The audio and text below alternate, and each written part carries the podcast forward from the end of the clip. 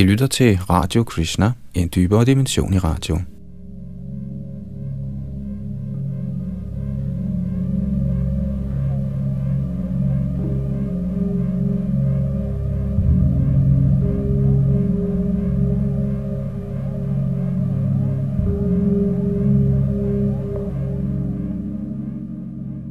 Så er vi nået til kapitel 11 i Lalitanats bog, Darwin i nyt lys. Kapitlet hedder, Hvad er bevidsthed? Bag mikrofon og teknik sidder Yadunandan Das.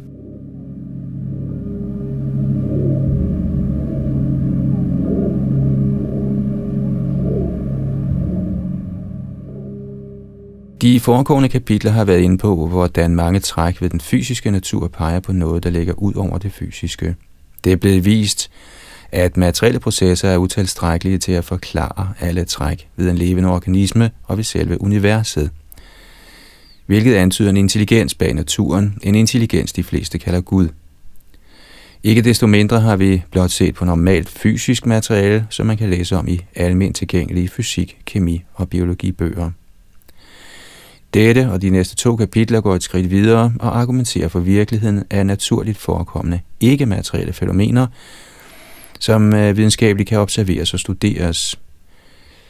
Selvom vi ikke forlader empiriens sfære, det vil sige det, som kan erfares og underkastes videnskabelige eksperimenter og udforskning, hævder jeg i de næste tre kapitler, at den natur, vi befinder os i og er del af, består af mere end stof og energi og samspillet mellem disse.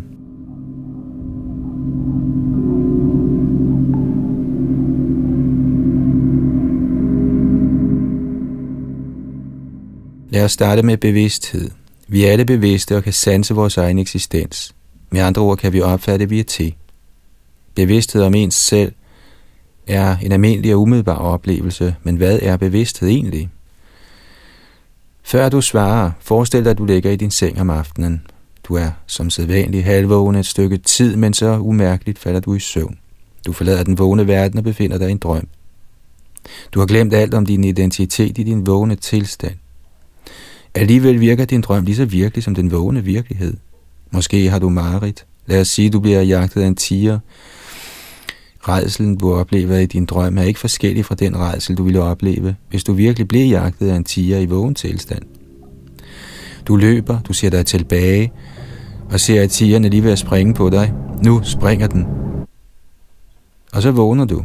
Det var kun en drøm. Tigeren var ikke virkelig, og her i dit virkelige liv er du i sikkerhed. Du husker, hvor du er, hvem du er, og hvad der foregår i dit liv. Du er taknemmelig for virkeligheden.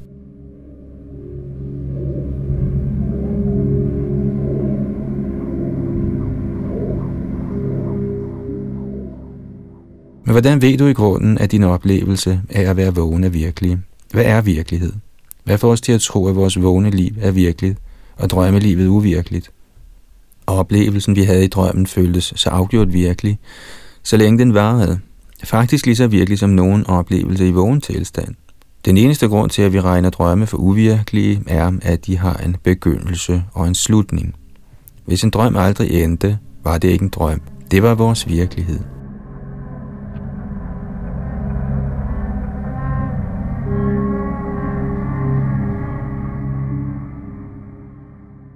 Mennesker over hele verden har til alle tider tumlet med virkelighedsbegrebet, og vi støder på idéer derom i alle verdens store visdomsbøger.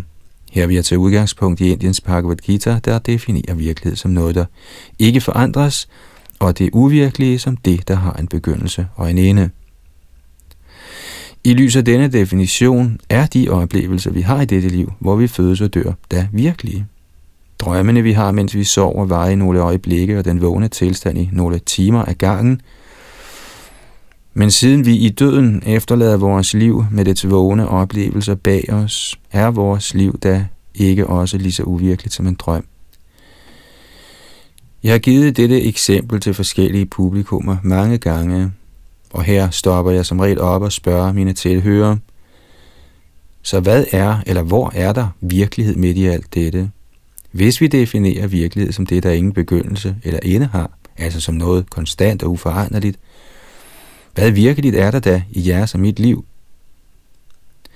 Kun sjældent svarer nogen på dette spørgsmål. Når de gør det, er det ofte noget i retning af, Ifølge denne definition er alting uvirkeligt. Der er ingen virkelighed. Men faktisk er der et konstant og uforanderligt element i os, der følger med os overalt i vores liv. Du, den bevidste jagttager, ændrer dig ikke hverken når du er vågen eller når du sover. Selvom du i en drøm for det meste glemmer din vågne identitet og de aktiviteter, du normalt foretager dig, når du er vågen, er du der stadig og overværer drømmen. Når du vågner, forsvinder din drøm, og i stedet er du vidne til dit vågne liv. Du er hele tiden samme bevidste, uforanderlige jeg.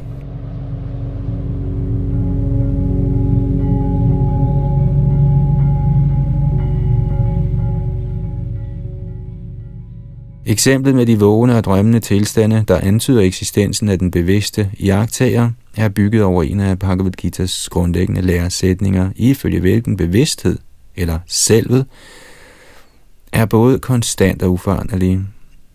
Bhagavad Gita ser dette som bevis på, at selvet dermed er både evigt og ikke materielt, siden alt materielt, eller i hvert fald alle de former, materien kan antage, er midlertidige. Ifølge Bhagavad Gita er der således en fundamental forskel på kroppen og selvet. For kroppen ændrer sig hele tiden, mens jeg forbliver den samme. Jeg kan huske, da jeg var 5, 10 og 20 år gammel. De kroppe, jeg havde på hvert af disse tidspunkter er væk. Dårligt nok et eneste molekyle følger mig fra vugge til grav. Men ikke desto mindre er jeg her stadig. Derfor må jeg og kroppen være to forskellige ting.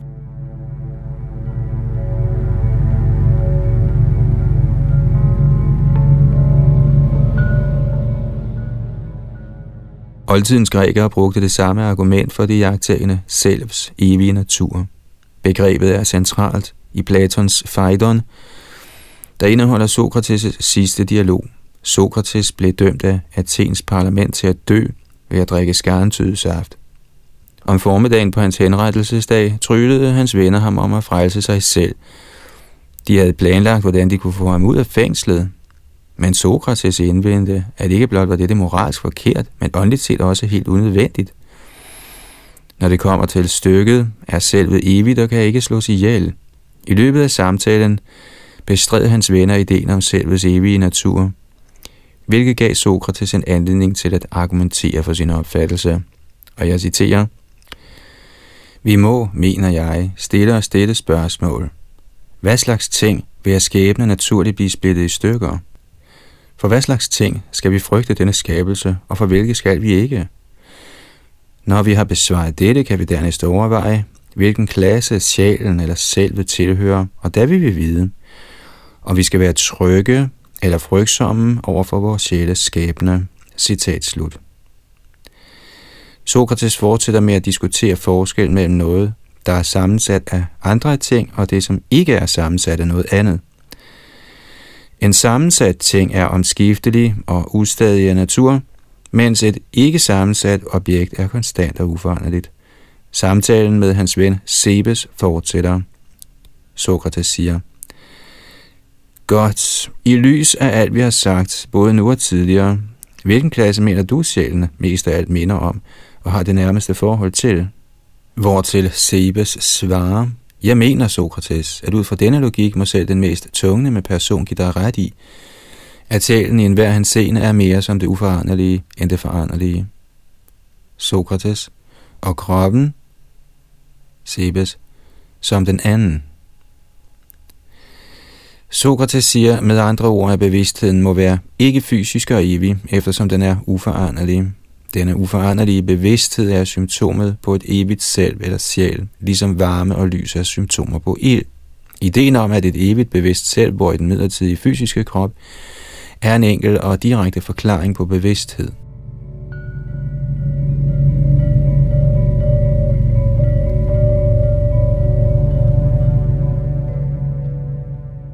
Alligevel er mange videnskabsmænd i dag ikke parate til at acceptere en sådan idé. Men skønt de generelt går ud fra, at bevidsthed frembringes af fysiske processer i hjernen, indrømmer nogle af dem dog, at bevidsthed er et af biologiens store uløste mysterier. Filosofen Jerry Fodor skrev i 1992, citat, Ingen har den fjerneste idé om, hvordan noget materielt kan være bevidst. Ingen ved engang, hvordan det ville være at have den fjerneste idé om, hvordan noget materielt kan være bevidst. Citat slut. Ifølge psykologen Stuart Sutherland, citat, bevidsthed er et fascinerende, men undvigende fænomen. Det er umuligt at præcisere, hvad det er, hvad det gør, og hvorfor det er opstået. Intet, der er værd at læse, er skrevet om det. Citat slut. Nogle, som den engelske psykologiprofessor Nicholas Humphrey, forsøger at løse problemet ved at hævde, at bevidstheden ikke eksisterer. Humphrey indrømmer dog, at bevidsthed ser ud til at ligne et problem for videnskaben.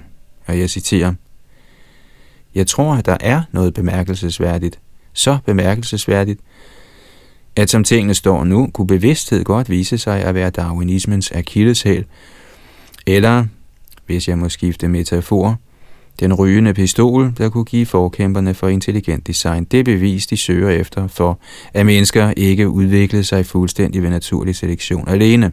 Citat slut. Men så skifter Humphrey gear og forklarer, hvorfor bevidsthed ikke er et problem for darwinister.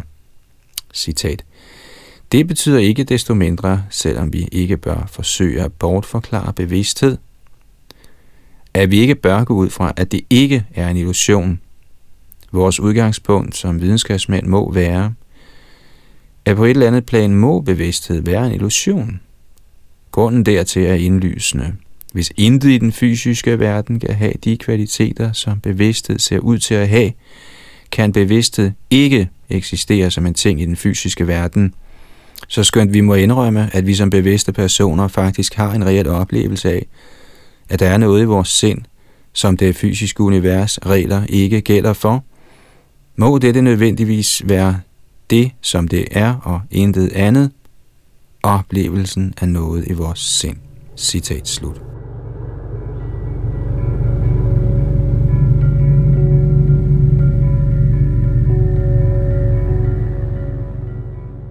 Humphreys forklaring skaber flere problemer, end den løser. For det første kan man spørge, hvorfor, citat, må vores udgangspunkt som videnskabsmænd være, at på et eller andet plan må bevidsthed være en illusion, citat slut. Hvorfor skal videnskabsmænd starte med at gå ud fra noget som helst om bevidsthed? Videnskab er en bestræbelse på at opdage og forstå virkeligheden. Forudfattede idéer er i strid med en sådan bestræbelse. At starte med en fordom eller forudfattet idé er ikke videnskab, men et forsøg på at forsvare et allerede givet livssyn, i dette tilfælde den materialistiske idé, at materien er alt som er. Kernen i Humphreys argument udtrykkes i sætningen, og jeg citerer, Hvis intet i den fysiske verden kan have de kvaliteter, som bevidsthed ser ud til at have, kan bevidsthed ikke eksistere som en ting i den fysiske verden. Citat slut. Her ser Humphrey ud til at tage det for givet, at den fysiske natur udgør den totale virkelighed, så derfor kan intet ud over fysiske kvaliteter eksistere i denne verden. Men Humphrey forsøger blot at undvige problemet med bevidsthed, og han gør os ikke spor klogere på, hvad bevidsthed egentlig er. I bund og grund drejer det sig om en diskussion af, hvad naturen af virkeligheden er, og ingen videnskabsmænd har endnu kunne fastslå, at den fysiske natur udgør den totale virkelighed, eller at alt i naturen følger fysikkens love. Når Humphrey hævder, at alt i naturen skal følge fysikkens love, bekender han blot sit eget verdensbillede, den filosofiske materialists verdensbillede.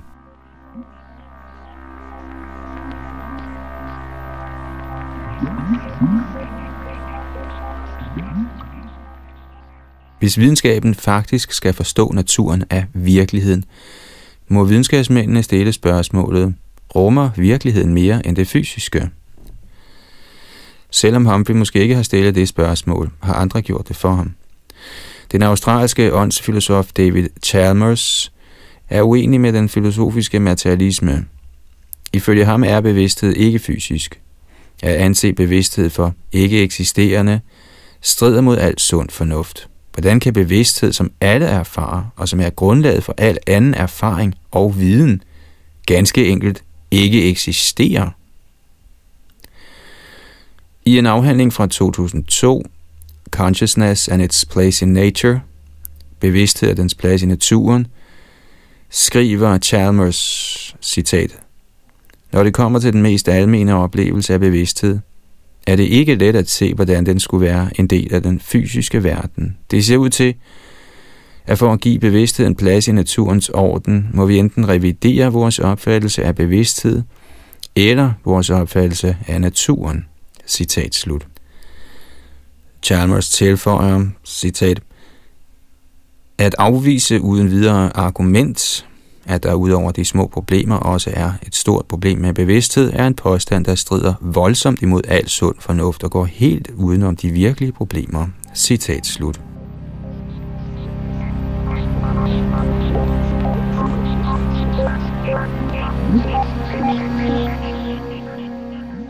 Fysikeren og Nobelprismodtageren Eugene Wigner, der levede fra 1902 til 1995, var heller ikke enig med Humphrey, og jeg citerer, Der er to slags virkelighed eller eksistens. Eksistensen er min bevidsthed, og virkeligheden eller eksistensen er alt andet. Sidstnævnte virkelighed er ikke absolut, men kun relativ. Citat slut. Wagner sluttede, at han kun havde kendskab til ydre målelige fænomener, inklusive materie, igennem sin bevidsthed, der derfor om noget må være mere virkelig end de ydre fænomener. Den engelske fysiker Sir Arthur Eddington, der levede fra 1882 til 1944, mente tilsvarende, citat, Når vi skal sammenligne, hvad vi med sikkerhed kan sige om åndelige ting, med det vi kan sige om midlertidige ting, lad os da ikke glemme én ting. Sindet er den første og mest direkte ting i vores erfaring. Alt andet er noget, vi slutter os til. Citat slut. Og, citat, det eneste, jeg tillader at studere, er indholdet af min bevidsthed. Citat slut. For at forklare bevidstheden uden at modsige de fysiske love, har nogle forsøgt at reducere det til et epifænomen, en bieffekt af processer i hjernen, men ikke ophav til dem. Denne idé blev først foreslået af Thomas Huxley, Darwins samtidige og allierede. Til at begynde med indrømmede Huxley den tilsyneladende irreducible natur af bevidsthed. Citat. Jeg forstår, at materialismens vigtigste grundsætning er, at der intet andet er i universet end stof og kraft, og at alle fænomener i naturen kan forklares som udledt fra egenskaberne, der tillægges disse to primitive faktorer. Jeg finder det temmelig indlysende, at der er en tredje ting i universet, nemlig bevidsthed, som jeg ikke kan se, af hverken materie eller kraft, eller nogen tænker i omdannelse af nogen af dem. Citat slut. Men så slog Huxley til lyd for, at bevidsthed er et epifænomen. Fysiske, neurologiske og kemiske processer i hjernen giver ophav til mentale processer, foreslog han. Men disse mentale processer, der er symptomatiske for bevidsthed, spiller ingen forårsagende rolle i forhold til de fysiske processer. Huxley sammenlignede mentale hændelser med en dampfløjte, der på ingen måde bidrager til et lokomotivs arbejde.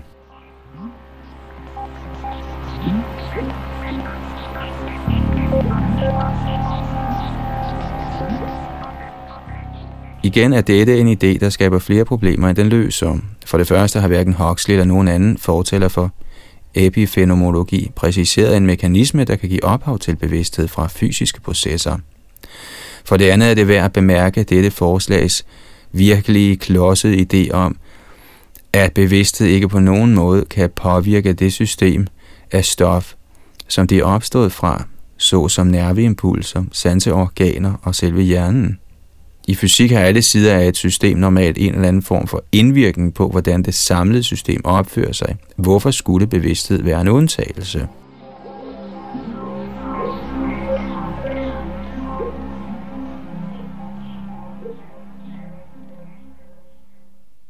En anden teori om bevidsthed kaldes panpsykisme.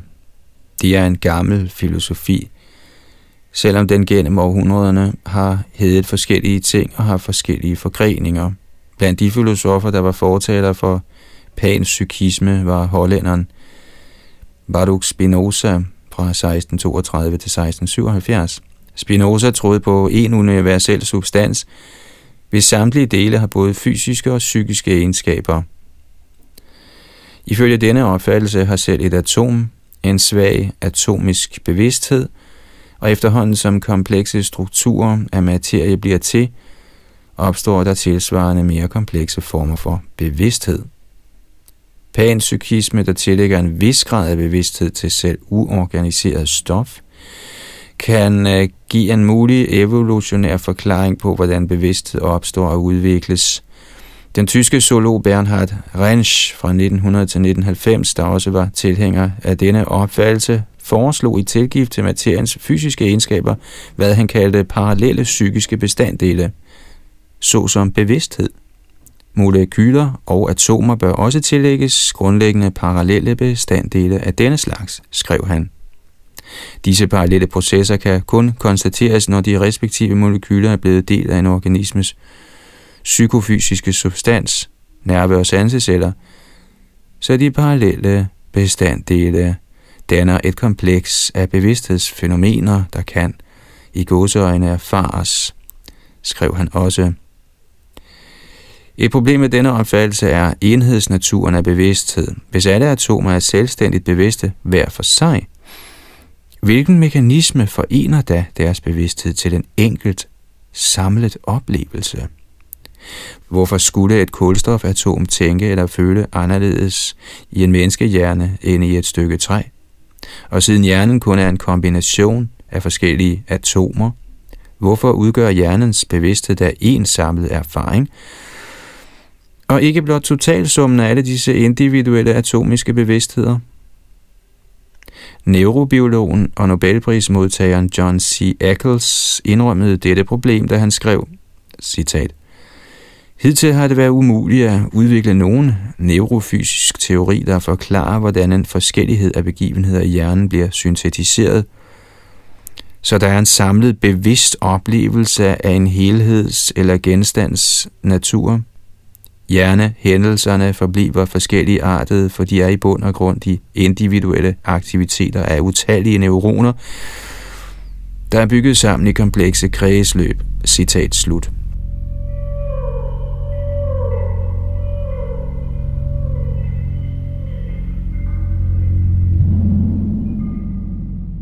Hvis former eller mønstre af stof også har bevidsthed, og vi hver især blot er et sæt af sådanne mønstre, følger to konklusioner. For det første må der findes komplekse metafysiske love, der styrer frembringelsen af bevidsthed som respons på bestemte mønstre. For det andet må mønstrets bevidsthed når det sammenkobles med den individuelle bevidsthed hos et hvert af mønstrets elementer, metafysisk set være et helt nyt individ. En højere bevidsthed, der er i stand til at forene vores erfaring til en samlet menneskelig bevidsthed.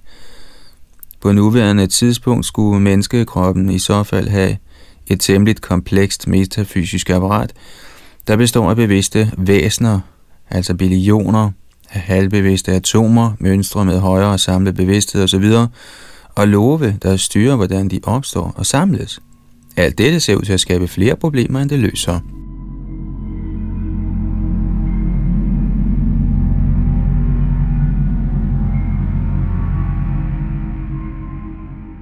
Måske en mere ligefrem løsning på problemet med bevidsthed er at genindføre ideen om sjælen, en enkel, irreducibel enhed af bevidsthed, der kan integrere alle oplevelser ind i kroppen. Med sjæl mener vi per definition et ikke-materielt væsen, der opholder sig i en materiel krop. I lyset af hvad vi har diskuteret indtil nu, er sjælens mulige eksistens i det mindste overvejelse værd, siden den giver et svar på, hvad bevidsthed i virkeligheden er og virker i sammenligning med andre af de ovenfor diskuterede muligheder som den mest direkte forklaring på bevidsthedsfænomenet. Ydermere støttes sjælens eksistens eller i det mindste tilstedeværelsen af noget ikke-materielt i alle levende skabninger, af et bredt spektrum af empiriske observationer, især studier af nærdødsoplevelser, NDO og reinkarnation.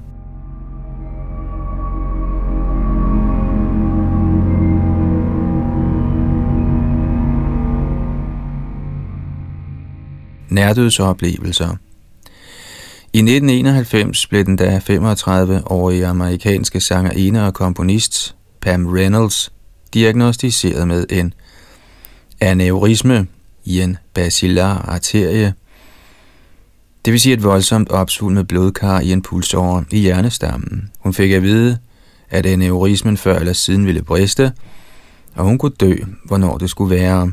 Samtidig var det for risikabelt at forsøge at dræne aneurismen. Det ville sandsynligvis også slå hende ihjel.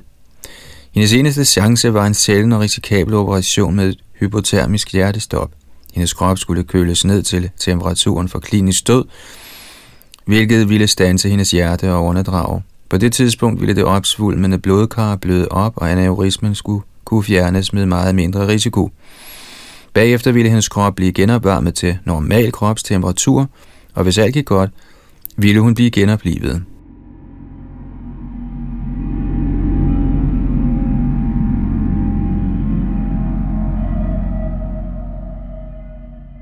Reynolds valgte operationen. Hendes åndedræt og hjerteslag blev stanset, og blodet blev drænet fra hendes hoved, hvilket effektivt stansede hendes hjernebølger. Hendes temperatur blev sænket til 15 grader Celsius. Kirurgerne åbnede hendes kranium, fjernede aneurismen og kørte alle procedurerne den modsatte vej. Pam blev genoplivet og vendte tilbage til normal bevidsthed. Operationen lykkedes til fuld.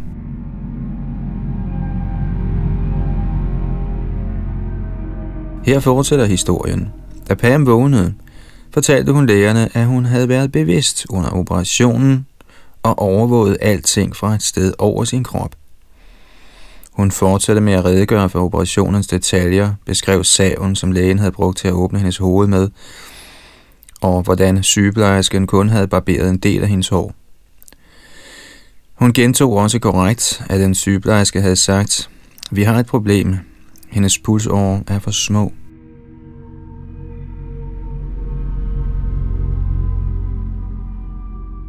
Pams oplevelse lyder som hundrede andre indberettede nærdødsoplevelser, men hendes tilfælde er slående, for under hele operationen blev hendes hjernebølger omhyggeligt overvåget, og monitorerne viste ingen aktivitet i hverken hjerne eller hjernestamme. Pam Reynolds havde haft en af de bedst dokumenterede nærdødsoplevelser til dato. Op gennem historien og i alle kulturer verden over har folk fortalt om nærdødsoplevelser, hvor de ofte under koma eller i en tilstand af bevidst løshed oplever at forlade kroppen og betragte den og andre dele af verden fra en position uden for kroppen. Samtidig iagtager disse folk, hvordan andre mennesker forsøger at genopleve dem, og nogle gange fortæller de, hvordan de forlader kroppens umiddelbare nærhed og rejser til steder, hvor de møder guddommelige væsener eller afdøde slægtning. De fleste fortæller, hvordan de til sidst bliver suget tilbage i kroppen.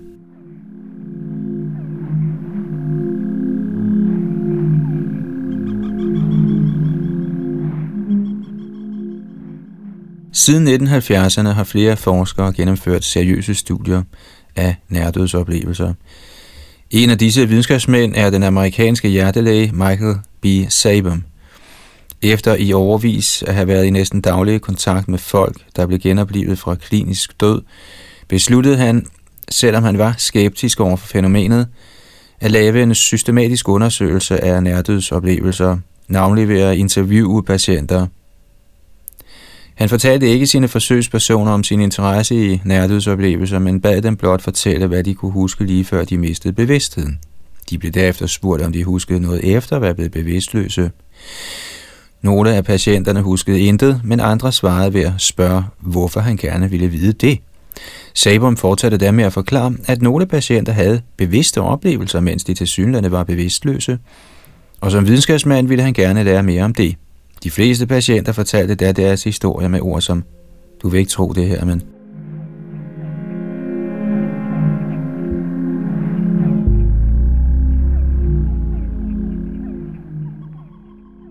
I løbet af sin forskning fik Sabum således kendskab til en 57-årig byggeriarbejder, der fortalte, hvordan han svævede halvanden meter over sin krop, da den lå på operationsbordet. Manden fortsatte med at beskrive i detaljer, hvordan lægerne og sygeplejerskerne havde gennemført operationen. I denne tilfælde fortalte en soldat, der havde været i kamp i Vietnam, hvordan han var blevet fløjet bevidstløs væk fra slagmarken og derefter havde jagtet operationen, som lægerne havde foretaget på ham på et nærliggende hospital. Han fortalte, hvordan han på et tidspunkt havde oplevet at have forladt operationsstuen og vendt tilbage til slagmarken, hvor han så soldater samle lig og lægge dem i poser – Han forsøgte at komme i kontakt med soldaterne, men til intet held. Så var han pludselig igen på hospitalet, hvor han vendte tilbage ind i sin krop.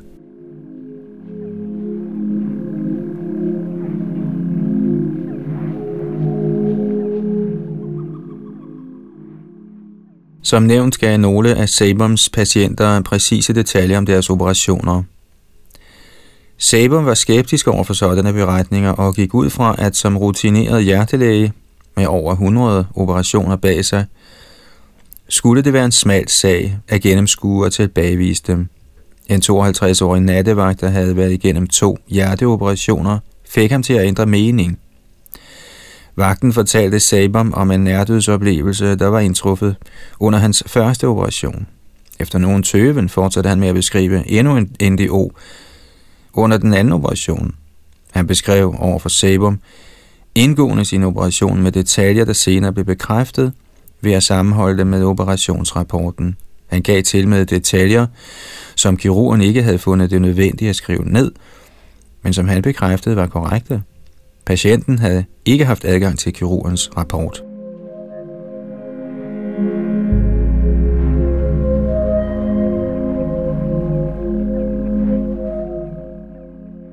I alt 32 patienter fortalte Sabum om deres NDO.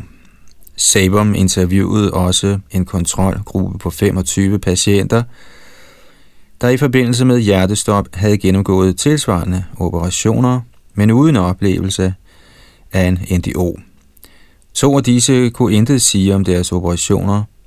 20 beskrev nogle ting, men begik alvorlige fejl i deres fremstillinger, og tre gav korrekte, men generelle og begrænsede beskrivelser.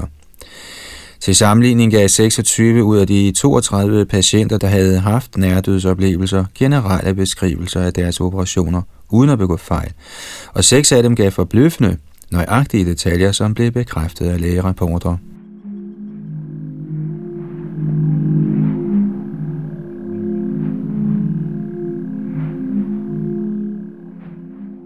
Den hollandske hjertelæge Pim van Lommel har også undersøgt nærdødsoplevelser. Fra 1988 til 2004 interviewede han 344 patienter, der havde oplevet et hjertestop, alle inden for en uge efter, at de var blevet genoplevet fra klinisk død.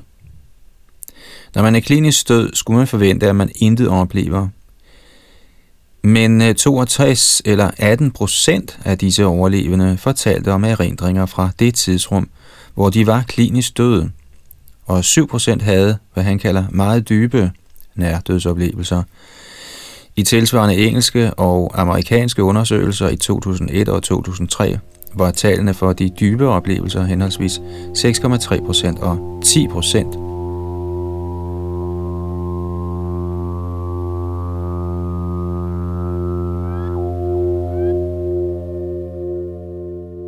Van Lommel fortæller historien om en sygeplejerske, der fjernede tandprotesen hos et 45-årigt hjerteoffer under hans genoplivelse og anbragte dem i en skuffe i akutvognen.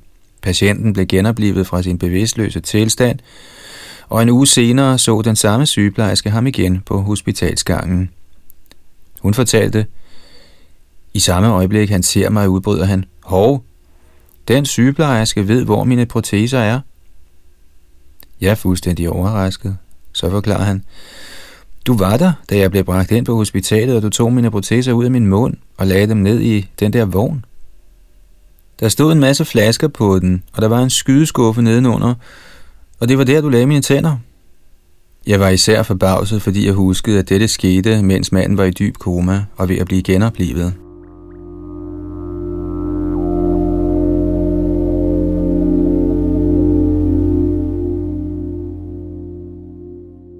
Sabum skriver, citat, Kunne sindet, der skiller sig fra den fysiske hjerne, i bund og grund være sjælen, der ifølge nogle religiøse doktriner fortsætter med at leve efter den endelige krops død?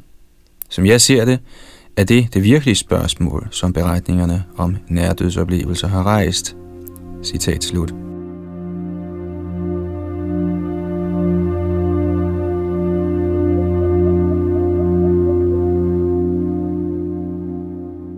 Børn, der husker tidligere liv. Reinkarnation henviser til den idé, at et eller andet aspekt af den personlige identitet overlever kroppens død og genfødes i en ny krop og et nyt liv. Lad os se på, hvad der indtil videre nok er det mest omfattende videnskabelige studium af reinkarnation. Disse undersøgelser blev foretaget af den kanadiske psykiater Ian Stevenson, der levede fra 1920 til 2007, og som var leder af Division of Personality Studies på University of Virginia i Charlottesville, USA. Stevenson brugte 45 år på at udforske tilfælde af små børn, der til synlædende huskede et tidligere liv. I næsten 3.000 tilfælde lykkedes det ham at bekræfte eksistensen af en bortgået person, der svarede til et bestemt barns erindringer. Dr. Stevenson skrev, og jeg citerer, Børn, der hævder at huske tidligere liv, er blevet fundet over hele verden, hvor man har søgt efter dem. Men man finder dem lettest i landene i Sydasien. Typisk begynder et sådan barn at tale om et tidligere liv, næsten så snart det kan tale, almindeligvis i 2-3 års alderen. Og typisk holder det op med at tale om det mellem 5 og 7 års alderen. Selvom nogle af børnene kun kommer med vage udtalelser, giver andre detaljer om navne og begivenheder, der tillader en at identificere en person, hvis liv og død svarer til barnets beskrivelser. I nogle sager kendes den identificerede person allerede af barnets familie, men mange gange er dette ikke tilfældet. Udover at komme med sådanne udsagn, der kan bekræftes om en bortgået person, udviser mange af børnene en adfærd, såsom en fobi, der er usædvanlig i deres familie, men kan ses svare til en opførsel, som den bortgåede person udviste, eller som man kan gætte på kan føres tilbage til ham. Citat slut.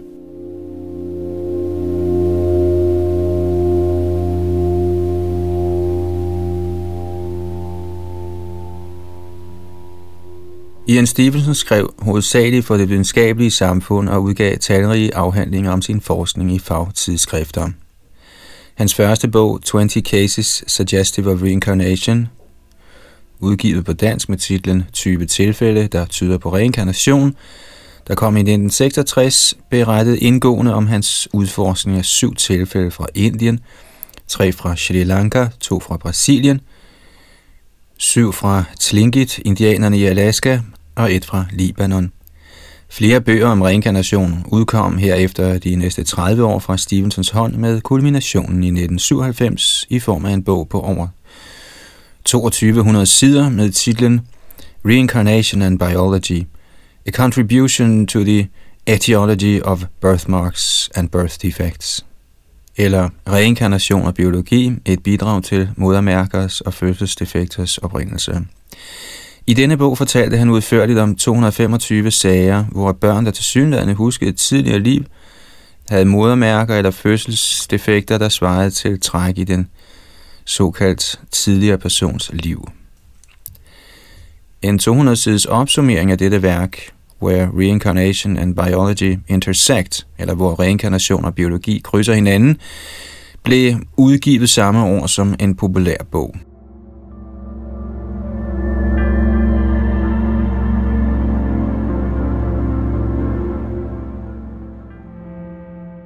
Dr. Stevenson begyndte sin forskning i 1960, hvor han hørte om et tilfælde på Sri Lanka. Han interviewede barnet og dets forældre, såvel som de mennesker, der skulle have været barnets forældre i det forudgående liv. Denne forskningsmetode brugte han også i alle efterfølgende sager i årene, der fulgte. I hvert tilfælde dokumenterede han systematisk barnets udtalelse. Dernæst forsøgte han at identificere en bortgået person, der svarede til barnets beskrivelse af en tidligere identitet og vedkommendes familie, bopæl og død. Stevenson gjorde alt for at finde ud af, om barnets udtalelser kunne stamme fra information, som det havde fået på en normal måde, som for eksempel at barnet havde set stedet, hvor den forudgående person havde boet, set det på tv eller hørt om et bortgået familiemedlem gennem slægtninge. Når som helst det var muligt, forsøgte Stevenson at nå frem til barnet, før det fik en chance for at tale med den forudgående persons familie. Når det kunne lade sig gøre, sammenlignede han modermærker og fødselsdefekter på barnets krop med lægerapporter om sår eller ar på den bortgåede. Han undersøgte også barnet for ellers uforklarlige vaner eller opførsel, der var typisk for den forudgående person.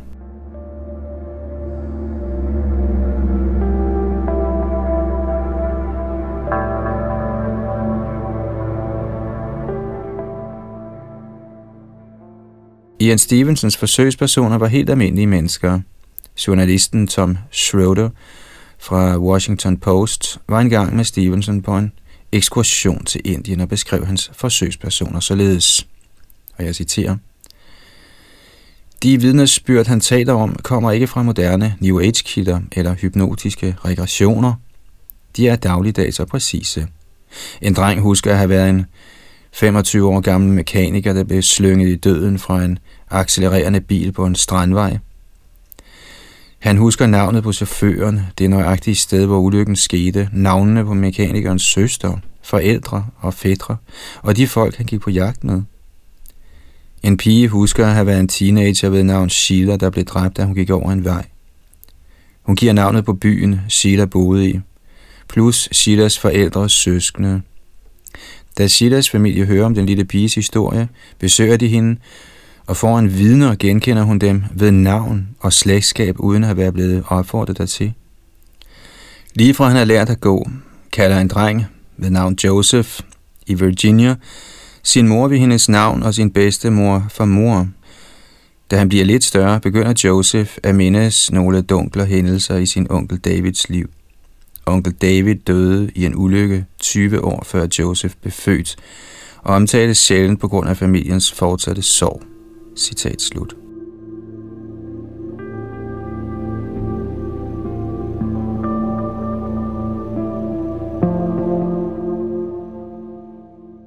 Et andet tilfælde er Sukla Gupta, der fødtes i 1954 som datter af en bengalsk jernbanearbejder. Da hun var lille, svøbte hun en træklods ind i et stykke tøj og vuggede den i sine arme og kaldte den Minu. Hun fortalte, at Minu var hendes datter, og hun fortalte også om Minus far og to brødre.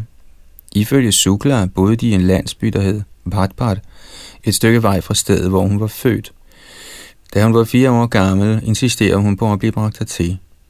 Hendes far undersøgte sagen og fandt ud af, at en kvinde ved navn Manner der var død nogle år i forvejen, faktisk havde levet i Bhatpat, og efterladt en spæd datter ved navn Minu.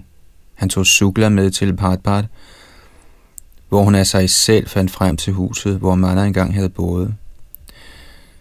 Ud af over 30 mennesker, som skulle have været helt fremmede for hende, udpegede Sukla Manas mand, svigermor, svoger og Minu.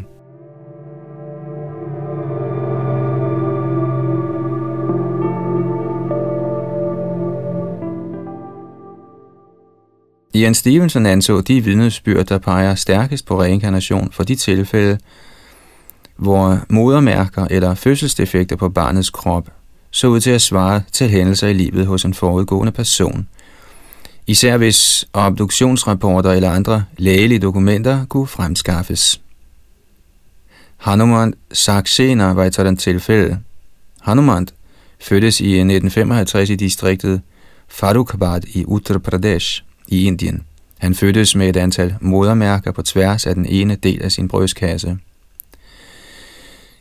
Tre år gammel begyndte han at tale om sit tidligere liv som Maharam, en lokal bonde, der var blevet skudt og dræbt i samme landsby af et havgevær, der ramte ham i den lavere del af brystkassen, et år før Hanuman blev født. Som lille fortalte Hanuman sine forældre, at han var blevet skudt der, hvor han havde modermærker, og han sagde andre ting om Maharams liv, der viste sig at være rigtige. Da Stevenson undersøgte Maharams obduktionsrapport, konstaterede han, at formen på Maharams skudsår næsten nøjagtigt svarede til modermærkerne på Hanumans brystkasse.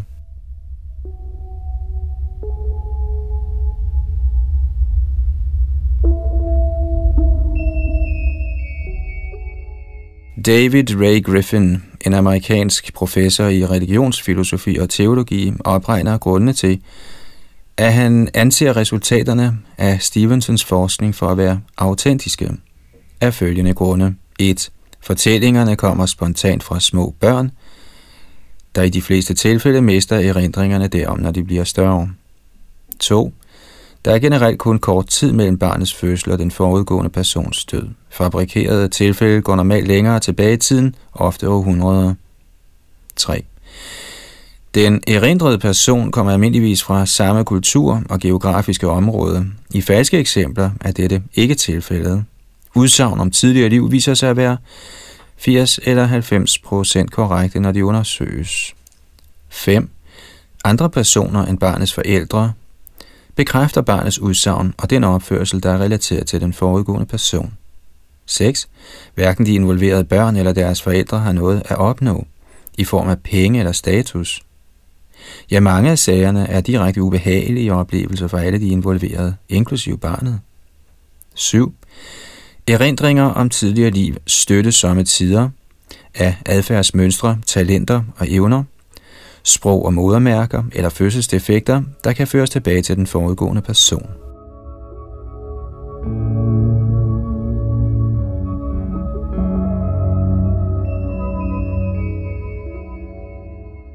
Nogle har forsøgt sig med andre forklaringer end reinkarnation på disse børns erindringer. Måske havde disse børn usædvanlige paranormale evner og kunne indhente ellers utilgængelig viden om en bortgået person ved at læse andre folks tanker. Stevenson gjorde opmærksom på, at ingen af børnene, som han interviewede, udviste tegn på nogen form for paranormal evne. Dette forklarer heller ikke de modermærker og fødselsdefekter, der ledsager nogle af tilfældene. En anden mulighed er, at børnene blev besat af en uinkarneret person.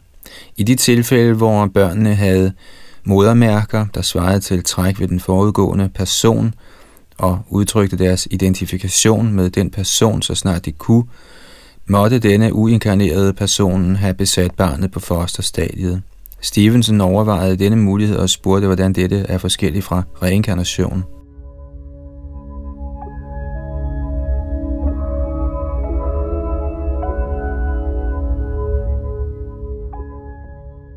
Det er også blevet foreslået, at børnene kan have fået deres viden ikke fra erindringer fra et tidligere liv, men fra en fælles åndelig region af viden og erfaring, som børnene mistede forbindelsen til, da de blev større. Men igen forklarer dette ikke de tilfælde, hvor der også er modermærker involveret, eller hvorfor et barn skulle identificere sig så stærkt med en bestemt person. Alt i alt konkluderede Stevenson, citat, Jeg mener, at der er så rigeligt med beviser for det, at et rationelt menneske deraf kan, hvis han ønsker det, tro på reinkarnation. Citat slut. Om de større implikationer af sin forskning skrev han, og jeg citerer, Det er klogt blevet sagt, at spørgsmålet om et liv efter døden er det vigtigste spørgsmål, en videnskabsmand eller hvem som helst for den sags skyld kan stille. Jeg er helt klar over, at frygten for døden kan tilskynde til en tro på et liv efter døden. Det er sandt, at mange af os ønsker at tro på et liv efter døden, men vores ønske om, at noget er sandt, gør det ikke falsk. Måske er vi, når det kommer til stykket, involveret i en dobbelt udvikling af vores kroppe og af vores ånd eller sjæle. Citat slut.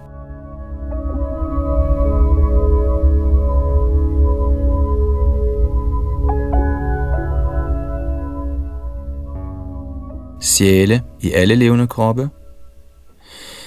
Når alt tages i betragtning, mener jeg, at det materiale, der kort er blevet gennemgået i dette kapitel, antyder, at det er rationelt og rimeligt at acceptere bevidsthed som symptomet på en ikke-materiel sjæl, der bebor menneskekroppen. Kunne der også bo en sådan ikke-materiel sjæl, ikke blot i mennesker, men i alle livs former? Kunne et træs, en myres eller en fisks krop også blot være et midlertidigt hylster for en ikke-fysisk gnist af bevidsthed, en sjæl? Hvis vi studerer naturen, ser vi uundgåeligt, at hver livsform udviser i det mindste et vist niveau af intelligens, om ikke andet så nok til at beskytte sig imod fare og skaffe sig noget at spise. Denne intelligens er symptomatisk for bevidsthed, der igen tyder på tilstedeværelsen af noget ikke-fysisk i kroppen.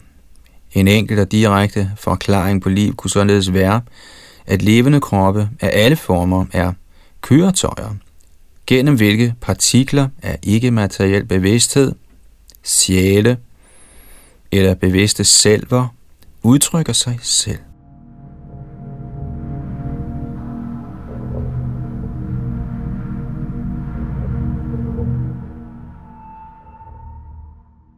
slutter Lalitanat i kapitel 11, Hvad er bevidsthed? i sin bog Darwin i nyt lys, her oplæst af Yadunandandas. Das.